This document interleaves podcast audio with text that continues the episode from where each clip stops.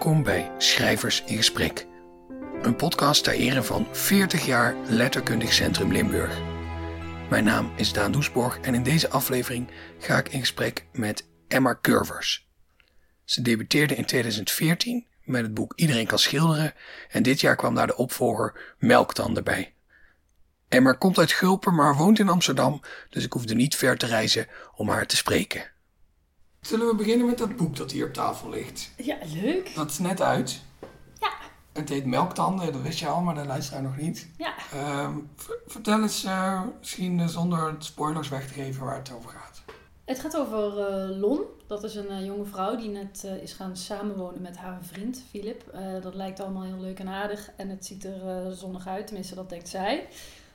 Maar dan opeens krijgt hij het een beetje ja, op zijn heupen. Hij wil een open relatie. Hij heeft ook al iemand op het oog eigenlijk, die in die open relatie erbij moet komen. En zij laat zich daar een beetje door eh, overrompelen in eerste instantie. En dan zit ze dus in die open relatie.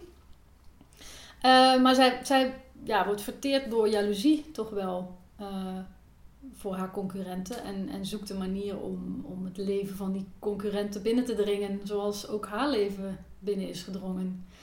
En dat, ja, dat brengt haar bij een oudere vrouw. En uiteindelijk op een reis naar Amerika langs 108 banen.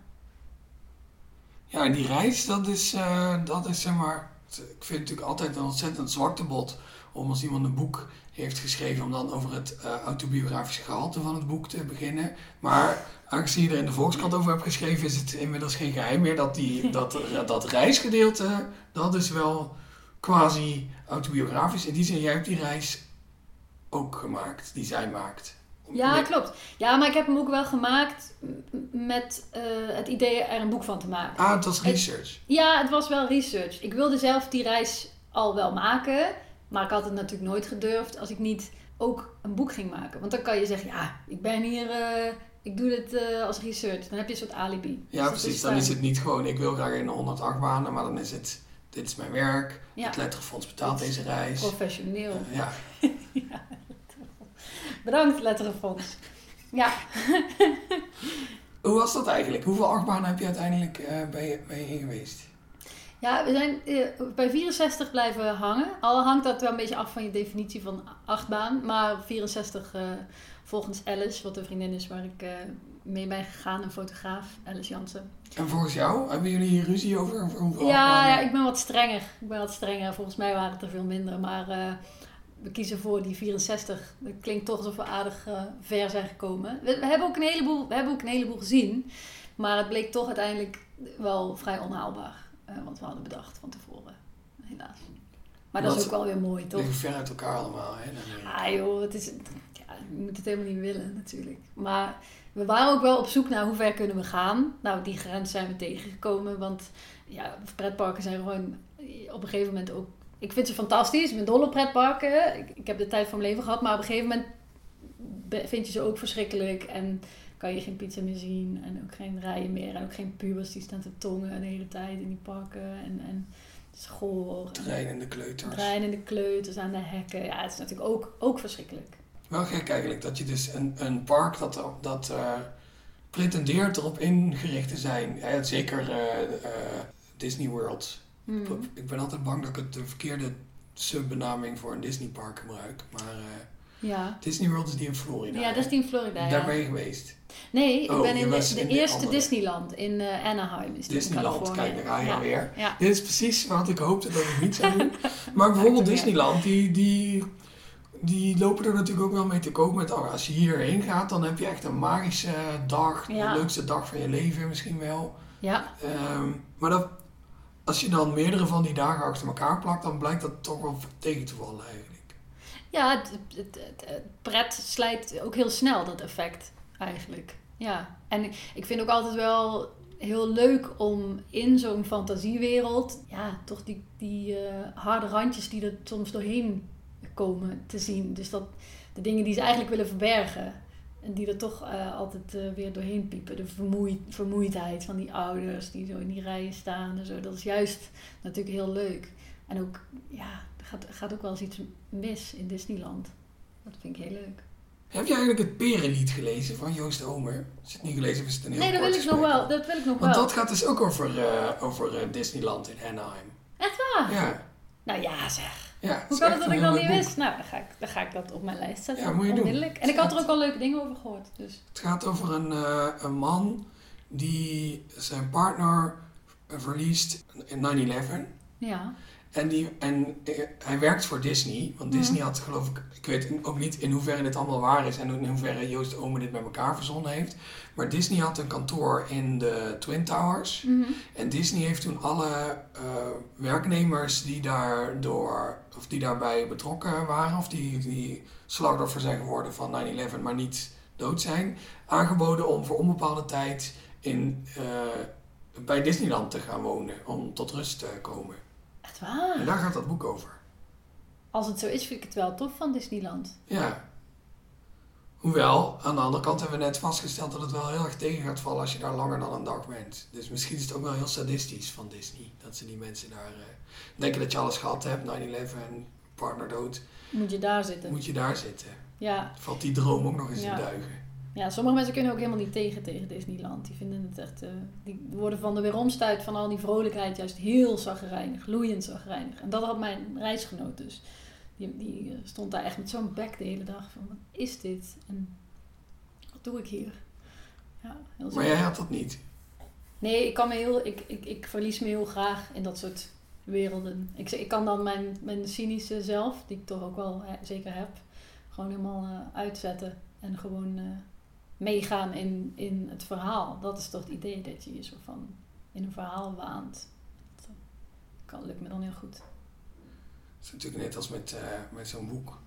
Je trekt zo'n verhaal op en daar, en daar moet je het ook een beetje aan, aan overgeven. Je Mhm. moet zelf in ieder geval geloven dat je een overtuigend verhaal aan het vertellen bent. Anders kan je het net Ja. goed ophouden. Of met film. Ik bedoel, we weten allemaal dat film nep is. Maar dat, dat gaan we ook niet de hele tijd roepen als we er naar kijken. En bij Disneyland vinden mensen dat op een of andere manier dan wel...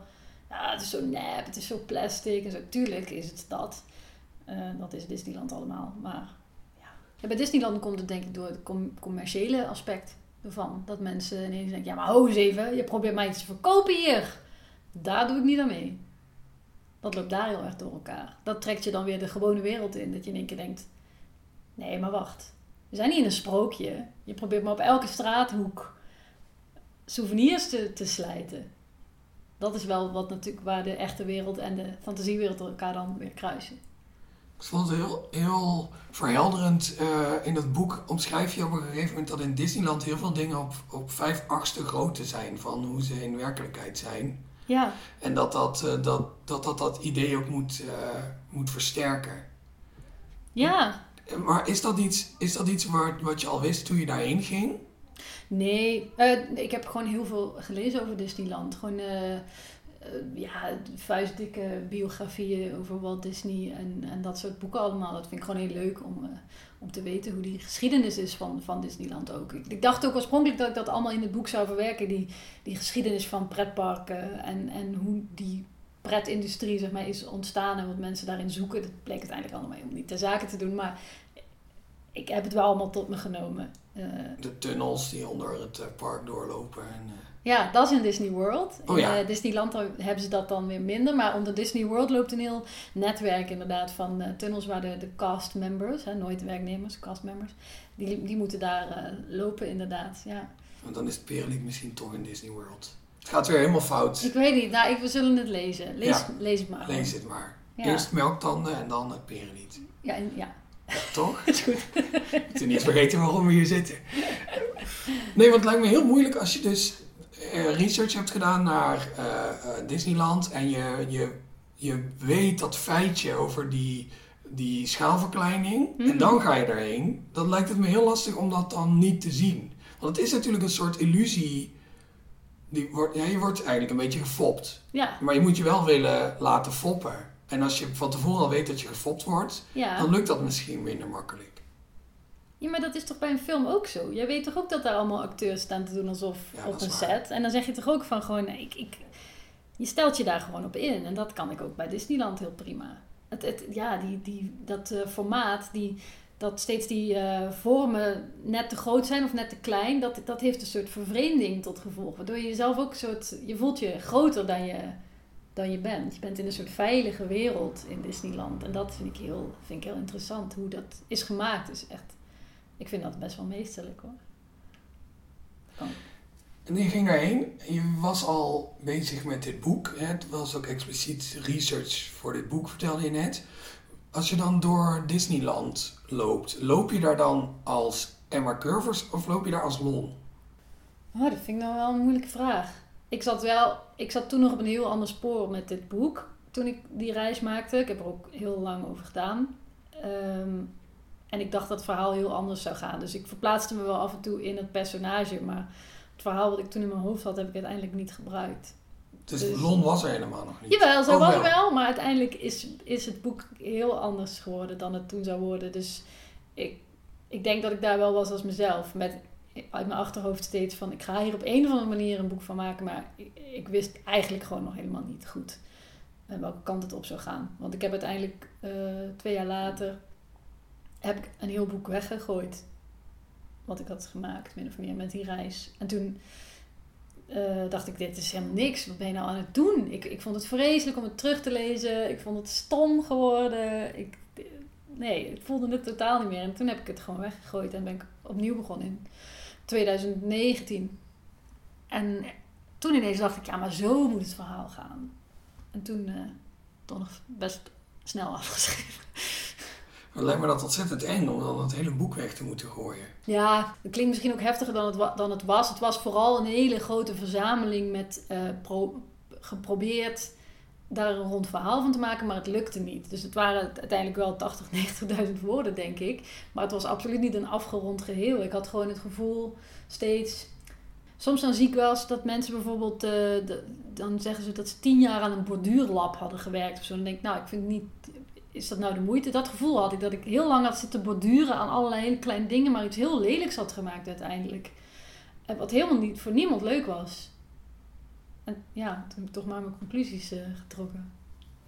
Ja, wel onvermijdelijk, maar ook wel dapper, denk ik. Want je, het is ook, je krijgt dan die. Uh, ik, heb, ik heb het gevoel dat ik echt heel erg veel Engelse termen gebruik. Maar je krijgt dan die sunk cost fallacy. Ja, ja, ja. Dat je ergens al zoveel in geïnvesteerd hebt. Dat je denkt, nou nu moet ik ook door. Terwijl het eigenlijk overduidelijk is dat je gewoon. Maar daar ben jij niet ingetrapt. Nee, dat is, ook een, uh, dat is ook een gevaar inderdaad. Dat je denkt, het heeft me zoveel werk gekost. Maar ik ben ook gelukkig niet... Ik had helemaal geen... Ik voelde niet dat ik dacht, ik moet nu een boek uitbrengen. Het moet nu af of zo. En ik had dus ineens ook dat idee van... Nee, ik weet nu welke kant het verhaal op moest. En toen voelde ik echt enthousiasme voor dat nieuwe idee.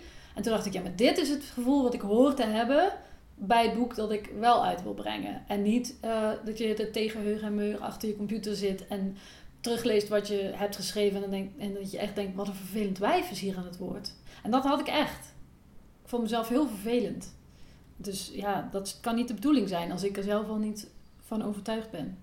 Nee, en met wat een vervelend wijf is hier aan het woord, want je noemt dat jezelf, dus dan bedoel je meer de verteller en niet het personage. Ja, de verteller, ja. Maar ik, ik voelde daarin wat ik aan het proberen was. En het was gewoon een, een heilloze, heilloze missie. En, maar dat is dus wat ik zeg. Ik, ik, ik dacht oorspronkelijk echt dat, dat al die research over pretparken, dat het allemaal veel breder was, het verhaal. Uh, dat, ik, oh, ik heb er zoveel bij betrokken. Dat is echt niet normaal meer. Filosofen, hele theorieën, architectuurcritici. Het is, en het is allemaal gewoon in de, in de prullenbak gesmeten. En prima ook. Zo prima. Ja, het klinkt inderdaad wel alsof je, alsof je eigenlijk afhankelijk van plan om een compleet ander boek te schrijven? Het, uh, het had aanvankelijk uh, had het wel een wat andere focus, denk ik. Meer te maken met. Uh, het zit nu nog steeds wel erin. Dus, dus Philip, de vriend van de hoofdpersoon, heeft de, ja, die maakt zo'n bucketlist en zo. Die heeft een soort zucht naar bijzondere ervaringen en zo. En dat vond ik aanvankelijk heel belangrijk en interessant, omdat ik dat ook wel om me heen zag. Dat mensen allemaal met niet per se met letterlijk een bucketlist, maar wel een beetje met zo'n filosofie hun leven vormgaven. Met allemaal dingen die ze per se wilden doen. En ik wilde eigenlijk niet zoveel, geloof ik, toen. En ik vond dat heel fascinerend, van die ervaringszucht die mensen hadden. En uh, daar wilde ik eigenlijk veel meer mee doen. Maar uiteindelijk bleek het boek toch veel meer over ook jaloezie te gaan. En wraakgevoelens. Ja, dat vond ik wel genieten hoor. Dat, ik vind een goed uitgevoerde wraakactie, dat lees ik altijd heel graag. Ja? Ik zal proberen niks over het plot eh, te verklappen, maar eh, eh, nou ja, dat er inderdaad wel een soort een wraakactie in zit. Dat, dan, dan ga ik volgens mij niet, dan verpest ik volgens mij niet het boek. Nee hoor, nee, nee, nee. Ehm, ja, daar heb ik wel echt erg van, van genoten. Fijn. Ben je een wraaklustig type ook? Ja, ik vind zelf van niet. Uh, maar andere mensen zeggen van wel. Oh ja. Uh, ik heb trouwens een soort lijst bij van mensen die dan ooit een keer iets gedaan hebben. En dan, dan, en dan, nou ja, misschien doe ik daar dan nooit iets mee. Maar ze staan wel op de lijst. En als er dan een keer een gelegenheid zich voordoet dat ik iemand een hak kan zetten. ik zal nooit naar die gelegenheid op zoek gaan. Maar... Oké, maar daar zit wel al een, een sentiment achter van een, het is een beetje een wraaklijst. Ik moet nu toch denken aan The Bride in, in Kill Bill, die zo'n ja, hitlijst Het voelt voor mij meer als een rechtvaardigheidslijst. Ah. er wordt mij onrecht aangedaan en, ik, en ik sorteer vast voor op de kans om dat ooit een keer recht te zetten. Ah, rechtvaardigheid. Dit is typisch iets wat een wraaklustig iemand zou zeggen, ja. ja. Want wraak impliceert natuurlijk dat het, of tenminste, dat, zo associeer ik dat, uh, dat het dat het misschien overdreven is. Of dat de, de, de retributie groter is dan waar de retributie voor plaatsvindt. Ja, ja, terwijl jij ziet wraak echt meer als het vereffenen van de rekening. En, en niet als een... Uh, ja, kijk, maar dat, zit, dat is natuurlijk ook iets wat vaak... Wraak is inderdaad, heeft een kinderachtig imago. Hè? Dat, daar moet je boven staan. Je moet... Uh, dus dus dat, dat, dat heb jij dan zelf... Uh, jij praat het wel goed op die manier. Ik, ja, ik vind ook vergeving een beetje een overschat concept eigenlijk. Dat uh, je leest, ik luister heel veel van die true crime podcasts. Ja, ja. En die Amerikanen, die, die um, familieleden van uh, vermoorde mensen bijvoorbeeld, die zijn allemaal heel erg bezig met, ja, na tien jaar is het mij eindelijk gelukt om de dader te vergeven. Dan denk ik, ja, maar. Moet dat? Vergeving is een cadeau aan iemand die jou iets misdaan heeft, toch? Ja. Want jij zelf, nou ja, jezelf schiet er misschien ook wel iets mee op. Ja, dat, dat is een beetje de Amerikaanse gedachte. Hè? Van als je dus die ander vergeeft, dan ben je zelf, you rise above it. Hè? Dan ben jij uh, vrij ook van die gevoelens. Um, maar ja, hoe kom je daar? Ik weet het niet. Ik ben daar misschien te kinderachtig voor. Ja, ben je ook een wraakzuchtig iemand? Uh, ik heb die gevoelens in elk geval in me. Ik ben misschien te fatsoenlijk en keurig om er ook iets mee te doen. Dus daar kan je dan heel leuk uh, bijvoorbeeld een boek schrijven. Um, maar ik ben ook wel een olifant. Als iemand, als iemand tien jaar geleden iets, iets lulligs gedaan heeft, net als jij bijvoorbeeld, ik heb, ik, heb, ik heb niet een lijst, maar ik heb wel in mijn hoofd, jou zal ik nooit helemaal vertrouwen. Ja, dat zit het is altijd ook geen fysieke lijst hoor. Ah, het is ook ja. in mijn hoofd. Oh, oké, ik dacht dat die bij jou thuis uh, boven het aanrecht heen. Nee, nee, nee, nee, nee, dat zou wel echt te ver gaan. Ja, nee, ik ben wel een olifant. Ik, ik vergeet het niet en um, ik zal er niks mee doen, maar ja, maar als je er niks mee doet, waar, want ik bedoel, hè, stel iemand staat op jouw lijst, want ik hoorde dat jij hebt ook gewoon een lijst. Ja. Uh, iemand staat op jouw lijst en jij, bent, uh, jij werkt bij de Volkskrant ook. En ja. uh, iemand zegt tegen jou, hey, maar we hebben een stuk binnengekregen. Uh Zou jij eens willen kijken, want we, we, overwegen om het te plaatsen, maar we weten niet zeker wel even jouw input hebben. Oh. En jij ziet boven dat stuk mm. de naam staan van iemand op jouw lijst. Ja, nee, dan moet het, ik professioneel En het is wel echt een goed stuk. Ja, nee, dan moet ik professioneel zijn. Dan gaat ja? het belang van die krant voor. Ja, maar ik zal nooit diegene dicht bij me laten. En ik ga ook niet op de borrel uh, nog, nog eens leuk lopen doen. Nee, nee, nee. Het blijft dan altijd een afstand. Ik, uh, nee, vergeef En als dat stuk een beetje zo'n twijfelgeval is. Je denkt, ja, we zouden het kunnen doen. We zouden het ook niet kunnen doen. Ja, dan moet het kapot. Ja, ja. oké. Okay, Toch niet zo monster als ik dacht. Of, of we zijn met z'n tweeën, dat zou ook nog, uh, dat zou ook nog kunnen. Ja, ja. Wat ik jou nog heel graag wilde vragen is, mm. ik heb dus jouw boek gelezen. Ik heb ook jou, uh, je hebt in de Volkskrant een artikel geschreven. Ik zal er een link uh, naartoe in de omschrijving van deze aflevering zetten. Mm. Zodat iedereen het kan gaan lezen. En zowel in het boek als in dat artikel omschrijf jij jouw bezoek aan Buffalo Bills. Mm. Een soort verlept pretpark, annex, casino, dat betere tijden heeft gekend. Ja. En daar is een achtbaan mm en daar wil jij in, Mhm. maar dat kan eigenlijk niet. Nee, Zou je dat verhaal in deze podcast gewoon nog een keer willen vertellen? Omdat ik Tuurlijk. het zo'n leuk verhaal vind. Ja, maar het was ook gewoon ja, e- een van de leukste dagen van mijn leven. En dat is vreemd, want het, die leukste, een van die leukste dagen van mijn leven was dus in een verlept park... wat ooit in de jaren negentig misschien een leuk idee is geweest. Een keer. Maar nu een van de Maar nu- plekken. Absoluut. Het is, ook, eh, is. het is ook in de coronacrisis gesloten, eh, las ik. En het is nu zo'n plek geworden waar dan van die mensen eh, video's gaan maken van, weet je, dat noemen ze dan urban exploring. Die gaan dan in verlaten pretparken en zo. Nou, die plek, zo, dat is dat nu helemaal geworden. Dus je was maar dat- net op tijd. Ik was net op tijd, maar het is dus een eh, gigantisch casino, resort, hotel, zwembad, pretpark. In de woestijn. Eh, een eindje van Las Vegas vandaan. Maar het staat daar helemaal plomp verloren. Dat je denkt, wat, waarom? Waarom hier? Maakt niet uit. Het staat er gewoon. En als je daar binnenkomt, dan zie je gewoon eh, ja, een paar vierkante kilometers vloerbedekking. En eh, een heleboel scootmobiels. En verder niemand. En allemaal ratelende gokkasten en verder niks. En wij waren daar alleen naartoe gereden. Vanwege die achtbaan die daar dus stond. Want ja, een hotel met een eigen achtbaan, dat is, is me nogal wat. Dat was, leek ons wel het toppunt van, van Amerikaansheid. Van een soort hyper, hyper-Amerika. Ooit was het ook een hele de hoogste achtbaan of zo van Amerika. Is hij nou binnen of buiten? Want dat Nou, was nog niet helemaal duidelijk. ja, hij, is- hij loopt naar buiten, zo om het hotel heen, om een berg. En nou goed, wij kwamen daar, er stond daar een jongen ja, bij dat pretparkdeel. En die stond daar eigenlijk alleen maar zodat, zodat hij kon zeggen dat het dicht was. En hij dacht ook, wat doen jullie hier? Maar ja, we hadden helaas die kamer al betaald, dus we moesten daar ook blijven. Het was echt een, zo'n troosteloze boel daar. Het- het- het- alleen maar kamers, kamers, kamers, 1200 kamers of zo, denk ik. Helemaal leeg, helemaal leeg. En, eh, en wij. En eh, ja, we hebben daar maar een tijdje rondgehangen. Die had ook een McDonald's binnen en een Denny's. Het was echt een soort, eh, geknapte kapitalistische droom of zo. Het was heel raar. En, maar ja, die achtbaan ging dus niet aan, want het was, er was niemand. En hij zei, nou, kom dit weekend nog maar een keer terug. Ja, weet je, had eigenlijk natuurlijk geen zin in. En ons schema had daar ook helemaal geen plek voor. Maar toch zijn we op vrijdag toen weer eerst naar Las Vegas gegaan. Daar eh, alle Las Vegas dingen gedaan die een mens dan zo doet.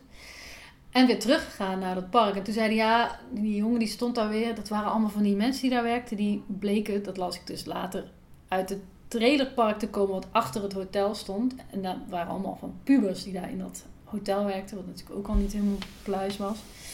Pubers met verrotte gebitten.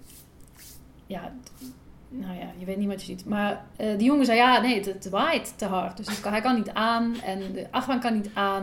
Nou, wij waren echt teleurgesteld, want dit was op een of andere manier echt een belangrijke missie geworden. Zeker omdat we helemaal terug waren gereden. Dus we stonden daar helemaal beteuterd en die jongen die voelde onze pijn. En hij zei ook, ja, ja, ik snap het wel, helemaal uit Nederland gekomen. We hadden het natuurlijk ook aangezet. We echt uit Nederland gekomen voor deze achtbaan. En ik dacht, oké, die meiden zijn knettergek. Maar Ik heb 63 andere gedaan, maar... Natuurlijk, ja. Maar even aangezet om, voor het drama en eh, in de hoop dat hij dan toch voor ons die achtbaan zou eh, aanzetten.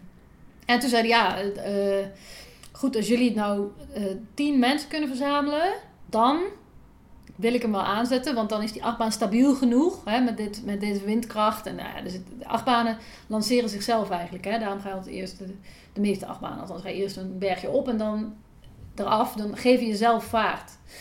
Eh, dus daarom eh, moet je dan genoeg mensen hebben en dan zou die wel eh, er doorheen komen, zeg maar. Dus wij eh, daar dat, dat hotel door en ja, mensen die, die reageerden een beetje zo van waarom in vredesnaam, wat moeten jullie van ons? Maar goed, wij toch, ja, please, please, we were from Holland, please help us out. En eh, toch wat mensen verzameld, een paar mensen van het hotel, een paar mensen achter een gokkast vandaan geplukt. En eh, ja, en toen, toen, toen ging die, toen ging die, ging die aan voor ons, speciaal voor ons. En, en we mochten ook nog gratis, omdat we journalists waren. Nou, dat sloeg natuurlijk ook nergens op die man. Ja, they're journalists from Holland and gonna write a book. En wij, ja, ja, ja, eh, zeker. Top, top, top.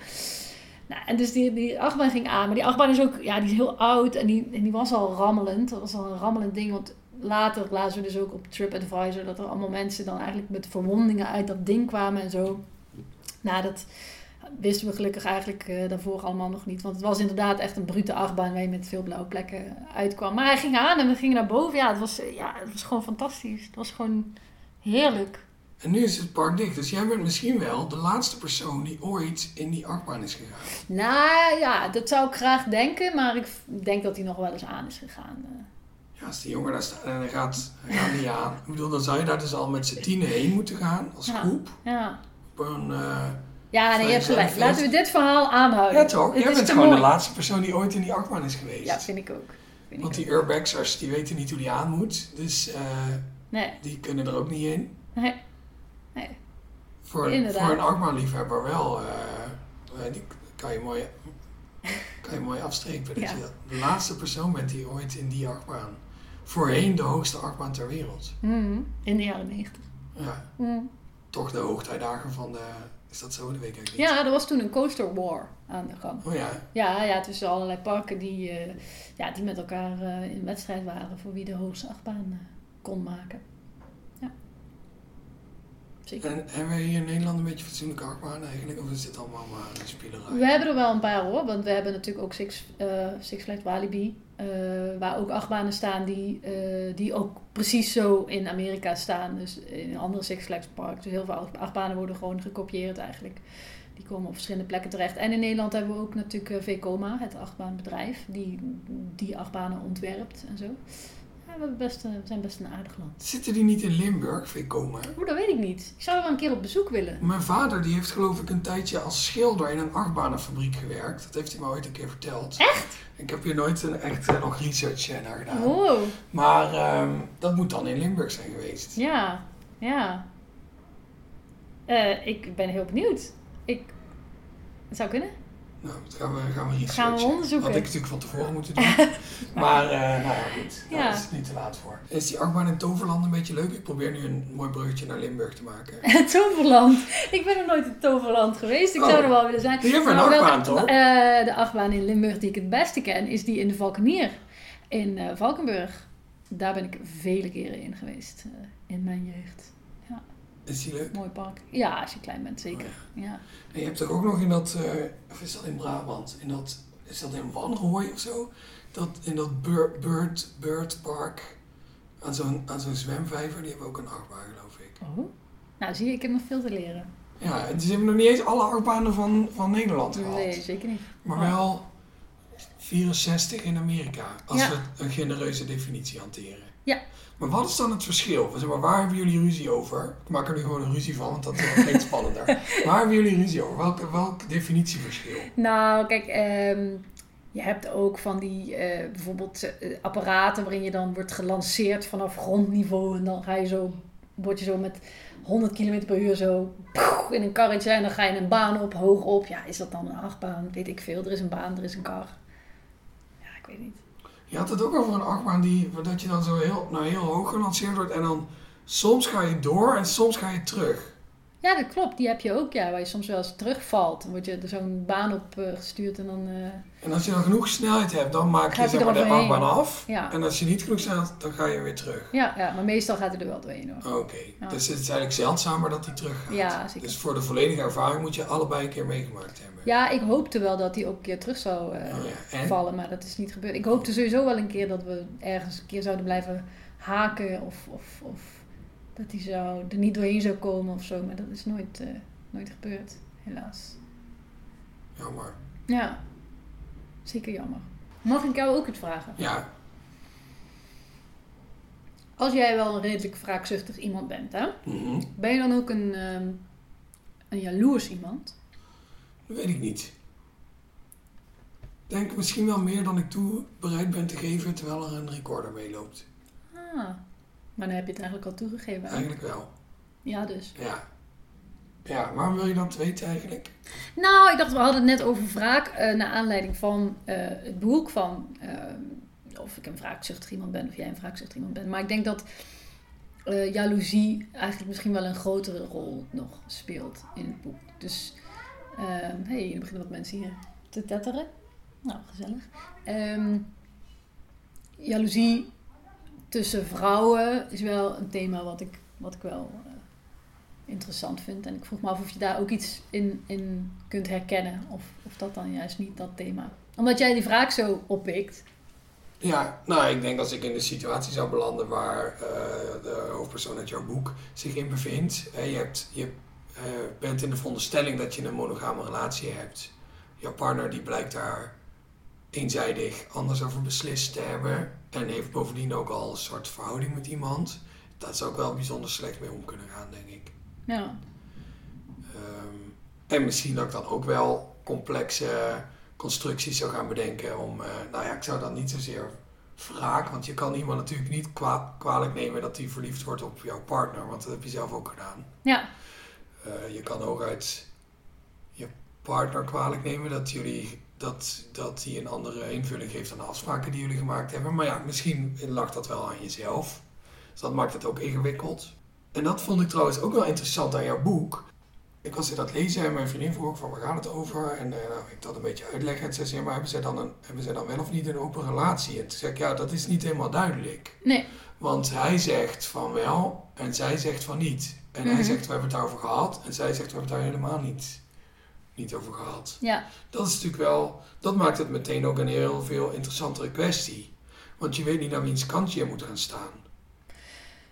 Ja, ik denk dat heel veel uh, mensen automatisch aannemen in een monogame relatie te zitten. En hij denkt daar kennelijk uh, wel wat anders over, alsof die voorwaarden nog, nog anders besproken konden worden. En zij uh, hecht veel meer aan veiligheid. Nou, natuurlijk zijn wij monogaam, toch? Weet je wel? Dat, dat is vaak waar mensen automatisch van uitgaan. Ja, aan de andere kant heb je natuurlijk ook mensen die zelf eigenlijk heus wel weten dat ze in een monogame relatie zitten, maar dan willen ze iets wat, wat niet mag. Dan denken ze, oh, maar maar dan hebben we gewoon niet een Tuurlijk, ja. Dus nee, dat omgekeerd, dat komt ook voor. Dat... Ja, zit, maar dat zit er ook een beetje in bij hem. Hij heeft natuurlijk al iemand op het oog. En uh, ineens denkt hij van... Ja, maar waarom moeten we nou eigenlijk die benarde constructie hebben... waarin wij elkaar maar trouw moeten zijn? Waarom mag ik niet dit gevoel ook verkennen?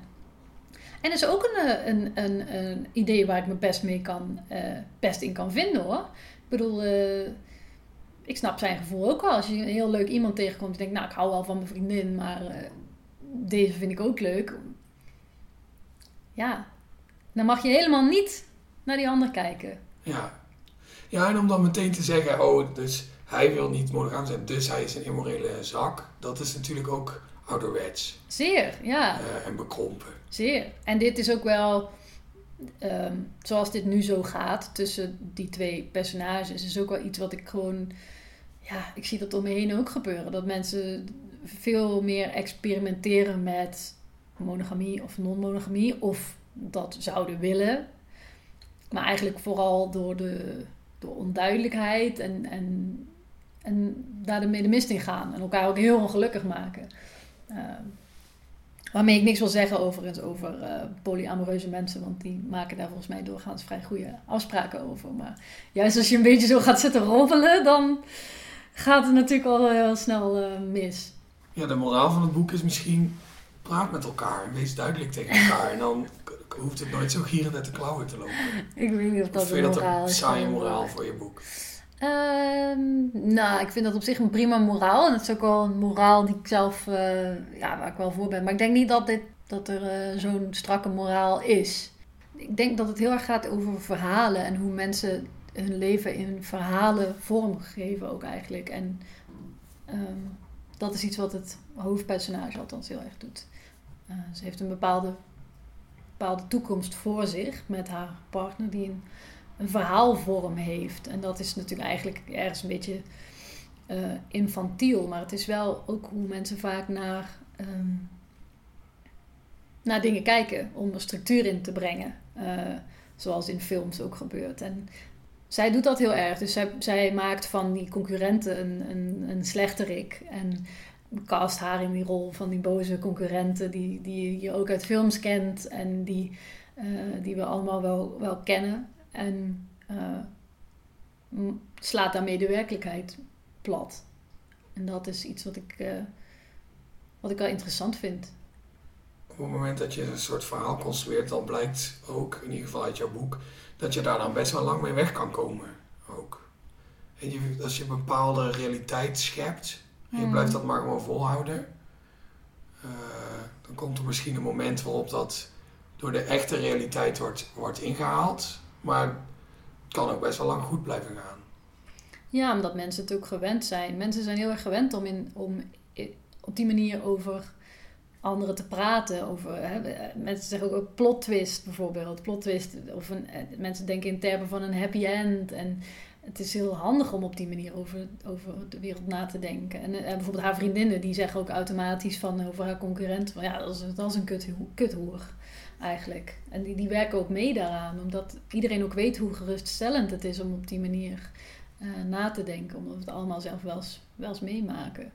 Dus dat vind, ik, dat vind ik leuk. En dat is natuurlijk ook iets wat in die pretparken uh, zit. Haar liefde voor pretparken komt ook voort uit een, een, een, een licht kinderlijke behoefte om, om orde te scheppen in, in de zaken. Komt jouw liefde voor pretparken ook voort uit een licht kinderlijke behoefte om orde te scheppen in de zaken? natuurlijk. Deze heb je zelf klaargelegd. ja, maar natuurlijk. Ja, natuurlijk. Ehm, in pretparken ben je natuurlijk, ja, nee, natuurlijk is het een het onwijs, het is escapisme ten top. En het is ook heel, uh, heel veilig uh, om op die manier uh, even uit de wereld te stappen. In een wereld van handig, goed en kwaad. En ridders en deernis en prinsessen en happy ends. Ja. Amerika maakt van zichzelf ook graag zo'n wereld natuurlijk. Het, mensen daar zijn ook heel erg bezig met, met goed en kwaad en ja. happy end. Zeker. Ja. Een mooi verhaal ophangen naar de buitenwereld. Ja, daarom vind ik dus die parken ook, ook interessant, omdat dat heb ik ook in dat artikel een beetje beschreven, dat Amerika daar een verhaal over zichzelf vertelt. En een verhaal waar goed mee te leven is over zichzelf vertelt. En dat, dat, daar, dat hebben mensen nodig. En dat hebben, dat hebben Amerikanen in die pretparken met meer uitgevonden, hoe je dat doet. Hè? Dat verhaal van die, van die cowboys en de indianen is natuurlijk een heel mooi verhaaltje over Amerika, wat, wat Amerikanen graag horen. En wat daardoor dan ook eigenlijk meehelpt aan een soort foute geschiedschrijving bijna van uh, waar dat land vandaan komt. Want er was natuurlijk helemaal niet zo heldhaftige, alleen maar heldhaftige cowboys en tragische indianen. Het was allemaal niet zo'n feest voor die Native Americans. Uh, dat weten we nu allemaal wel. Maar toch kun je in zo'n park even doen alsof jij die stoere cowboy bent die uh, te paard de woestijn intrekt. Ja, de werkelijkheid is natuurlijk dat het. Het is bijna alsof, alsof ze in Duitsland over 150 jaar pretparken maken. Uh, over uh, die, die stoere naties die uh, ten strijde trekken. Nou ja, ik ja. bedoel, het is een, ja. riskante vergelijking en ik mag ook best helemaal voor mijn rekening komen. Maar dat is wel wat er gebeurt. Riskante vergelijking, ja, inderdaad. Maar... Wordt de genocide geromantiseerd. Ja, zeker. Ja, zeker. Dat is wat er gebeurt. Maar iedereen vindt het, ja, we zijn eraan gewend of zo? Ja, we doen er natuurlijk hier ook net zo goed aan mee. Ik ben nog nooit in, in Ponypark Slagharen geweest, maar het heeft ook ik een wel. beetje een western thema. Zeker, ja, cowboy thema. Het is ook een achtbaan. Wigwams. Ik heb wel eens in die wigwams geslapen. Oh ja. Mm. Eigenlijk ook uh, fucked up. ja, ik weet niet of het fucked up is, want ik denk dat wij hier niet zo op de hoogte zijn misschien van de achtergrond van dat verhaal. Maar Buffalo Bill ook uit dat resort, hè. Die, ik bedoel, dat resort heeft zijn naam, maar Buffalo Bill was helemaal niet zo'n uh, puikenvent uh, als het gaat om dit verhaal. Hij was een van de voorlopers als het gaat om het romantiseren van uh, die frontier um, in Amerika in de 19e eeuw. Daar ging hij mee toeren, ook in Europa. Hij heeft dat verhaal eigenlijk naar hier toe gebracht en de mensen verraten het op. En hij was eigenlijk, hij nam ook, hij heeft een zo'n Native American gescalpeerd en dan ging hij op tour met het hoofd van die, van die man, die nam die mee op tour. Nou ja, dat is dan de held waar je de, je hotel naar vernoemt, zeg maar. Ja. ja. En want je zegt dat de Amerikanen hebben dat. Het is niet zo verbazingwekkend dat zij dat pretpark als genre hebben uitgevonden, omdat zij het sowieso al gewend zijn om, om mooie verhalen te spinnen over zichzelf en zich achter een, achter een mooi verhaal te verbergen. Uh, en zo te wapenen tegen de, tegen de werkelijkheid. Hmm. Zijn dan pretparken hier ook fundamenteel anders omdat wij dat minder hebben? Nee, want wij staan onder grote invloed toch wel van. Uh, pretparken als Disney. Dus wij hebben dat ook. Wij, het is eigenlijk best gek, want Disneyland, de eerste Disneyland in, uh, toen die opende in de jaren 50, was echt een Amerikaans idee. Was, hè, die hoofdstraat is een, een geromantiseerd plaatje van Amerika rond 1900. En wij hebben dat gewoon overgenomen. Wij hebben dat in Parijs ook precies zo neergezet. Precies datzelfde straatje. Wat een beetje wat Disney zijn droom was over zijn eigen uh, jeugd. Ja, dat is eigenlijk best vreemd. Maar we hebben natuurlijk ook wel gewoon een ander soort, soort gewone pretparken waar dat niet is. En wij hadden ook al wel in, in vroeg in de 20e eeuw onze eigen pretpark. Maar die hadden niet dat karakter uh, van een film waar je in kon stappen.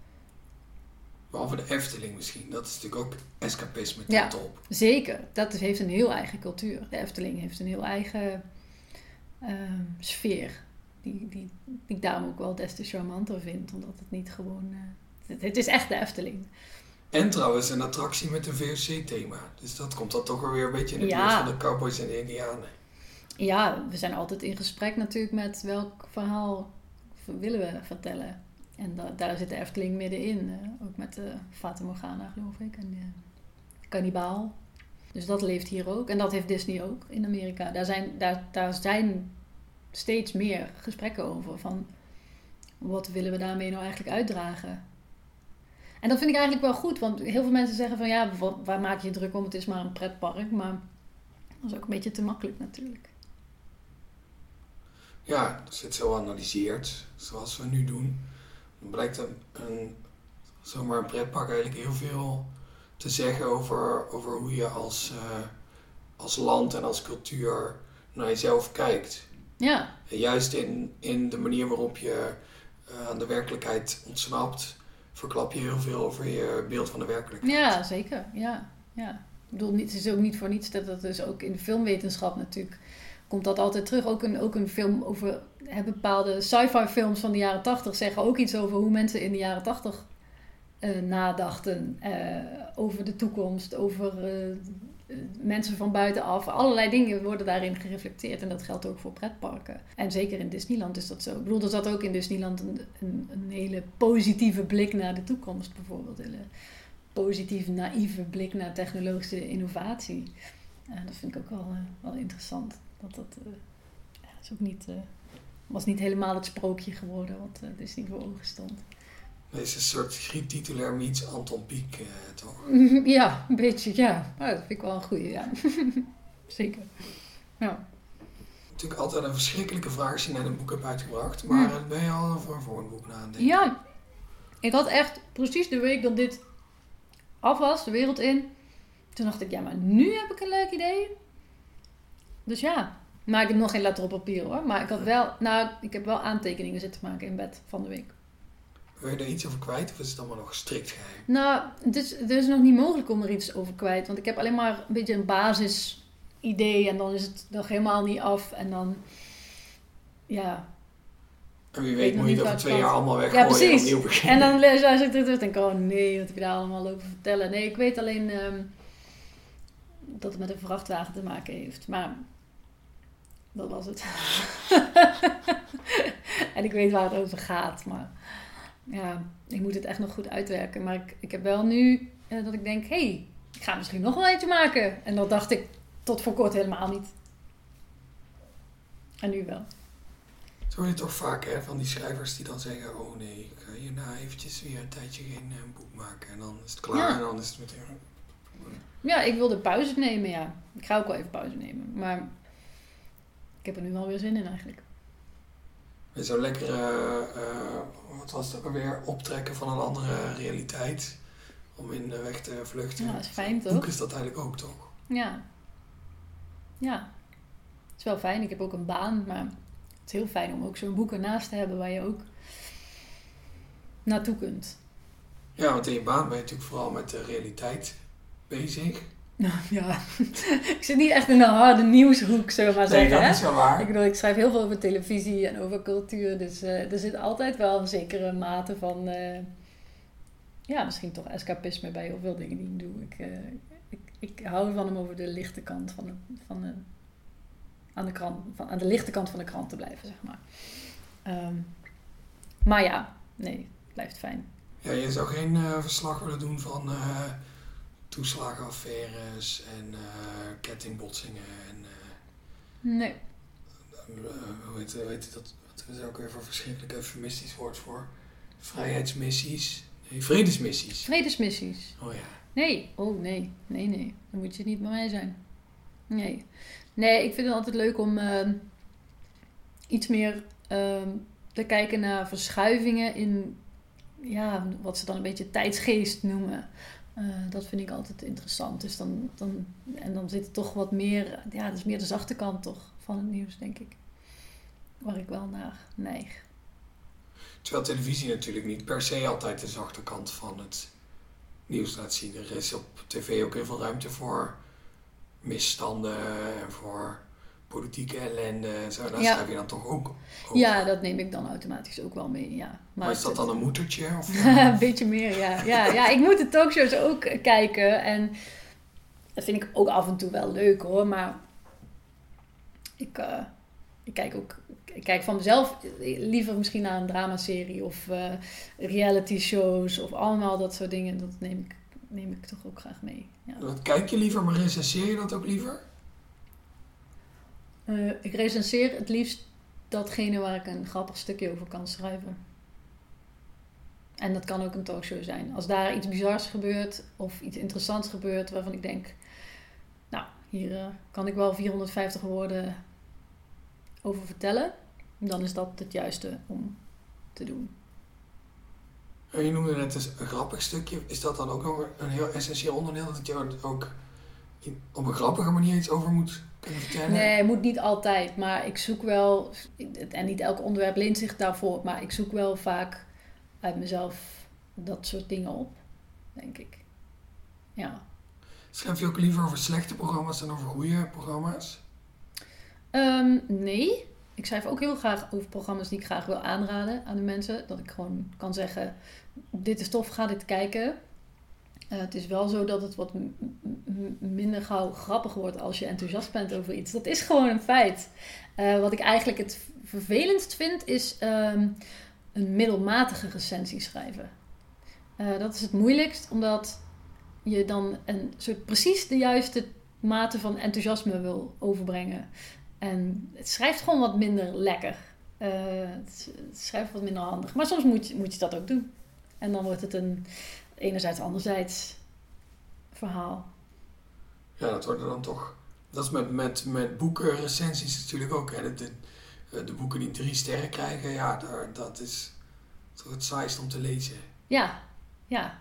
Is, is gewoon zo. Is minder leuk stukje. Maar als iets drie sterren is, dan moet ik het natuurlijk wel als drie sterren omschrijven. Dan ga ik niet, ja, dan ga ik niet de een of de andere kant op. Maar ik vind dat, dat is het minst leuk om te doen. Ja, maar als je schrijver bent, heb je natuurlijk misschien liever drie sterren dan één. Ja, precies. Hoewel het, hoewel het ook wel een, een, als, een, als een recensent je één ster geeft, kan Ja. je wel tegen jezelf zeggen: ja, maar die recensent heeft gewoon helemaal niks. Niks begrepen. van begrepen. Terwijl Ja. drie sterren, dat is dan, ja, het was niet slecht. Nou, niet goed. Nee, nee niet misschien goed. is die één ster recensie wel helemaal niet zo erg dan. Want diegene vond je boek gewoon helemaal niks. En dat is ook prima dat sommige mensen je boek echt gewoon helemaal niks vinden. Eh, daar leg je je eigenlijk al bij neer voordat je überhaupt iets gaat schrijven, denk ik. Toch? Dat je Ja, denkt, dat denk sommige mensen vinden het één ster. En, en anderen hopelijk vijf. Ja, net, net zoals de boeken die jij goed vindt, daar, daar spiegel je je misschien aan. En de boeken die jij slecht vindt, daar niet. Ik denk dat iedereen, straks mijn boekenrace, iedereen die komt een vrouw bij de dokter echt een heel erg mooi boek vond, die gaat mijn boek niet mooi vinden, denk ik. Dat hoop je eigenlijk, hè? Nou ja, dat weet ik niet. Nee, Ja. ik hoop dat iedereen zegt, wat een geweldig boek. Meesterlijk. De Nederlandse literatuur zal nooit meer hetzelfde zijn nadat dit boek is uitgebracht. Maakt niet uit wat je thuis leest. Je- of Als je dat die je vandaan niet leest. Ja. Dit boek vindt iedereen mooi. Mhm. Maar het zal wel niet, denk ik. Bedoel, laten we realistisch blijven. Zijn ik denk ook niet dat dat, dat, dat bestaat, zo'n boek. Ehm, een boek wat iedereen top vindt. Jawel, Ja. die bestaan wel. Ja? Ja, tuurlijk wel. Welke dan? Er zijn wel boeken die universeel geprezen worden, toch? Ja, er is er altijd wel één zure figuur die dat dan toch uit een soort reactionair dan gaat stom gaat vinden. Maar Oh ja, misschien ben ik die figuur wel. ja, misschien. Maar welk boek hebben we het dan Nou, ik lees nu bijvoorbeeld eh, Het Hoge Nest van Roxane van Ypres. Volgens mij vindt iedereen dat een goed boek. Oh, die heb ik niet gelezen. Nee, maar het is wel gewoon, ja, het zit gewoon super goed in elkaar. Je kan er weinig op afdingen, vind ik. Ja. Ja, bijna iedereen vindt dat een goed boek. Nou, we toch alweer drie boekentips in deze aflevering. Ja, terwijl we het eigenlijk gewoon over mijn boek moeten hebben en zeggen hoe, dat mensen dat moeten kopen. Ja, dat is een van die drie Het zou nou echt wel lekker zijn als ik er eens een paar verkocht. Ja? Ja, tuurlijk. Ik heb Ja. er ook lang genoeg aan gezeten. Ja, dat is waar. Jij wilt toch ook wel eens boeken verkopen? Ja, absoluut. absoluut. Maar ja, met, ik bedoel, deze, deze podcast die zal natuurlijk bij een overwegend Limburgs publiek eh, terechtkomen. Dus laten we het over En, Limburg eh, hebben. Dat, dat zit, daar zit natuurlijk wel jouw, jouw, jouw trouwe fanscharen, zoals bij alle uitgevlogen Limburgers. Of is dat niet zo? Weet ik niet, geen idee. Ik hoop het. Ik hoop dat daar nog wat mensen zitten die... eh, Over het algemeen zijn Limburgse lezers toch wel trouw aan, aan Limburgse schrijvers. Ook al zijn het zoals jij en ik eh, van die schurken die al eh, ruim een decennium in Amsterdam wonen. Ja, ja. Ik hoop het. Ik hoor wel dan nu bijvoorbeeld van mijn kleuterjuf... Hé, hey, ik heb je nieuwe boek eh, gelezen. Dus dat is wel ontzettend leuk. Ja, want weet je bijvoorbeeld niet of je een vorig boek goed verkocht heeft in Limburg. Nee, dat weet ik eigenlijk niet. Oh, geven ze daar geen... Geen specifieke Geen cijfers regionale cijfers van. Oh, nee. Jammer, moet je misschien eens vragen. Ja, zou ik eens moeten vragen, ja. Ja, jij zei laten we het over Limburg hebben. Dat vind ik Ja. een heel goed idee. Dat Ja, vinden ze bij het Letterkundig Centrum Limburg eh, ook leuk. Ben je er nog vaak? nee. Nee. Maar het heeft afgelopen jaar vooral wel met de crisis te maken. Waar Ja. ik sowieso eh, veel binnen hang als iedereen. Eh, en daarvoor, eh, ja, ik denk twee, drie keer per jaar of zo. En dan als ik eh, af en toe een weekendje weg ga, ga ik wel graag naar Limburg hoor. Jawel. Maar het is niet als je hier op deze geheime locatie in Amsterdam uitkijkt over de trapgevelhuisjes en de grachten, dat je dan denkt, goh, Limburg, als ik daar maar... Nou, ik verlang er zeker wel naar. Eh, af en toe. En dan, dan ga ik er als vakantie naartoe, zeg maar. Maar is het dan de, de, de natuur en de ruimte? Ja. Dus je zou in theorie ook naar de Biesbos kunnen gaan? Nee, nee, nee, nee. Nee. Oh. nee. nee, het is ook de herkenning. En de, ik vind het best wel heerlijk om terug te zijn op de plek waar ik ben opgegroeid. En te kijken hoe het er daarbij staat. En eh, of de fontein nog aanstaat. En of, de, of er nog nieuwe cafeetjes zijn. Ik vind dat leuk. En ik ga ook al nog wel langs bij een aantal mensen die ik daar eh, heb zitten. Eh, nee, ik kan niet naar de Biesbos gaan. De Biesbos heb ik niks mee. Maar ik heb wel iets met het Heuvelland. Echt wel. Ja. Is het ook de taal? Ben je een dialectspreker? Nee, niet echt. Ik kan het, kan het wel hoor, maar wij spraken vroeger thuis ook geen eh, dialect. Of tenminste, de kant van mijn vader wel. De tantes en zo, maar mijn moeder niet. Dus eh, ik ben er niet heel erg mee opgegroeid. Ik moest dialect gaan spreken om op de basisschool mee te kunnen komen eigenlijk. Dus ik was wel nooit heel naturel, naturel daarin. Maar Een tweede taalleerder van ja, het ja, precies. En eh, dat moet je dan doen om te integreren. Want alle andere kindjes die, die spreken wel dialect met elkaar op het schoolplein. En eh, ook vaak in de klas trouwens eh, spreekt iedereen dialect. Dus je moet wel. En dat vond ik ook wel leuk. Ik, ik, ik, ik ging daar gewoon aan meedoen. En ik kan het ook nog wel een beetje, maar eh, het is nu denk ik heel pijnlijk als ik het zou gaan proberen. Dat je allemaal gekke fouten maakt. ja, denk ik wel. Ja, ja, ja. Zou je willen dat jouw werk vertaald wordt naar het Limburgs? Of denk je, nou, ik zie daar niet de toegevoegde waarde van in? Als iemand dat zou willen doen, natuurlijk. Ja. Maar het is handiger om het te vertalen naar het Engels, Ja, bijvoorbeeld. commercieel gezien. Commercieel gezien, ja. Maar ik bedoel nu artistiek gezien. Artistiek gezien. Ik zou het heel interessant vinden om een, een stuk tekst in het Limburgs te lezen van mezelf. Ja, of ik het zou herkennen. Ook gewoon... Ik zou niet eens kunnen beoordelen misschien of het goed is. Ik heb ook, ik heb ook een paar boekjes hier in de kast staan die in het Limburgs zijn. En dan, eh, ik, ik, ik kan het toch niet helemaal goed volgen eigenlijk. Maar misschien is het ook omdat je het niet gewend bent om te lezen. Nee, het is, helemaal, het is helemaal geen makkelijke taal om te lezen. Ik ken het alleen als spreektaal ook. Eh, dan kan ik alles volgen, maar ik weet niet hoe je die woorden zou moeten opschrijven. Dat weet Ja. ik niet. Ik weet niet eens waar regels voor zijn. Ja, die zijn, er zijn wel regels, maar ook daar is weer een heleboel discussie over. Ja, natuurlijk. Uiteraard. Ja, Anders ja. is het ook geen Limburg. nee, dat snap ik. En zou je het dan ook het liefste zien dat het in het Gulpens vertaald Ja, wordt? moet het wel in het Gulpens, ja. wel, ja. Ja, het centrum van Limburg toch wel een beetje. Eigenlijk wel, ja. Het ligt echt wel goed in het midden. Ik zou ik vind het wel het beste Limburgs. Ja? En voor mij wel. Ja, oké. Ik zou het echt leuk vinden als, ik, als mijn boek op mijn oude middelbare school gelezen zou worden. Dan hoeft het niet in het Limburgs te zijn, maar dat zou, dat zou ik echt gek vinden. Ben je er nooit eh, voor, door je oude middelbare school gevraagd voor Nee, een eh, lezing of zo? Of, eh, Nee, nooit. Schandalig. Terwijl, ja, nee, het zou wel aardig zijn. Het zou wel leuk zijn. En ook nooit nog eens een keertje daar geweest voor het een of het ander en dan even gekeken of je boek in de mediatheek staat? Oh nee, nee, dat zou ik eigenlijk moeten doen een keer. Eigenlijk wel, hè? Ja, Het zal toch wel dat ze dat ingekocht hebben. Dat zou me toch wel leuk... Ja, ik weet het niet. Krijgen ze dat mee? Dit soort dingen? Ik denk het wel. Misschien uit de Limburger. Ja, Ja, in de, de, de, in de Limburger eh, wordt gewoon eh, van de daken geblazen dat jij een nieuw boek hebt. En ja. Is ook zo. kopen ze het in.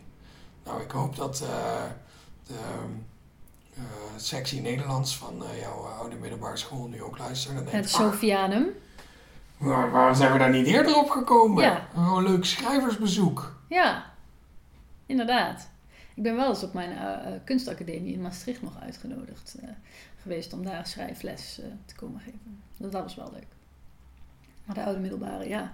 Ja, de middelbare las ik eigenlijk, stond ik denk ik niet bekend als een boekenliefhebber ook. Ik Nee? denk dat het ze wel verrast heeft.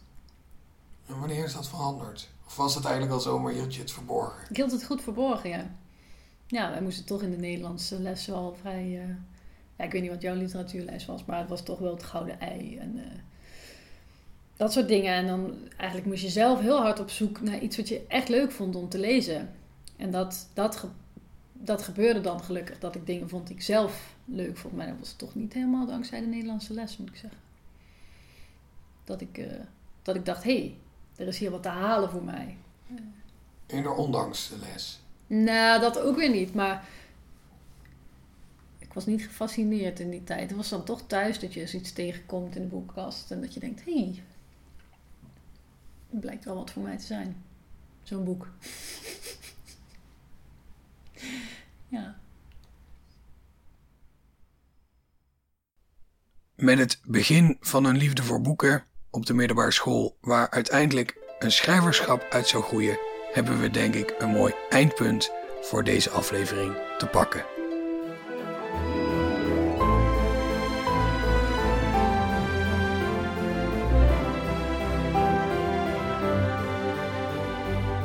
In de volgende aflevering van Schrijvers in Gesprek reis ik af naar Maasbree voor een gesprek met Ton van Reen. Graag tot dan. Deze podcast wordt gemaakt door mij, Daan Doesborg, in opdracht van het Letterkundig Centrum Limburg. De muziek die je nu hoort is gemaakt door Frank Steins en Steven Baker. Voor meer informatie over deze podcast en alle andere activiteiten van het LCL verwijs ik jullie graag door naar www.letterkundigcentrum-limburg.nl.